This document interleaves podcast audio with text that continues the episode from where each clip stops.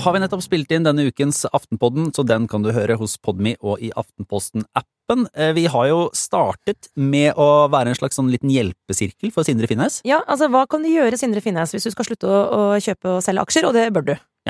Så der kommer vi med noen tips fra vår eget liv til hobbyer for, eh, for Finnes. Veldig gode tips, kan være nyttig for andre òg. Det det er flere som kan være med. Og så går vi jo inn i et, eh, et, eh, et slags havari i NRK. Og et krisehjørne i Arbeiderpartiet. Ja, og et mulighetsrom i Venstre. Eh, altså, vi er innom det aller meste som har skjedd denne uken. Vi har også med oss Trine Eilertsen eh, på linje fra Stockholm. Ellers sitter vi her i studio, og eh, nok en gang, Lars, kan vi bare si for en uke å lage en politisk eh, podkast. Ja. Vi rakk til og med innom hvordan Raymond Johansen endelig kunne eh, slippe ut magen.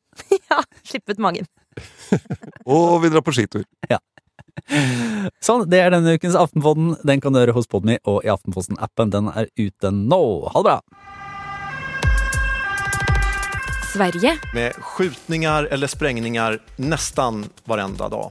Sju personer har skjutits ihjäl i Stockholm och Uppsala de senaste två veckorna. skal nå bekjempe voldsbølgen med Då är kamerabevakning en av de delarna också. 900 nye kamera og avansert teknologi. Men kommer det til å hjelpe? De som er aller vanskeligst å kontrollere i et samfunn, det er de som ikke har noe å miste.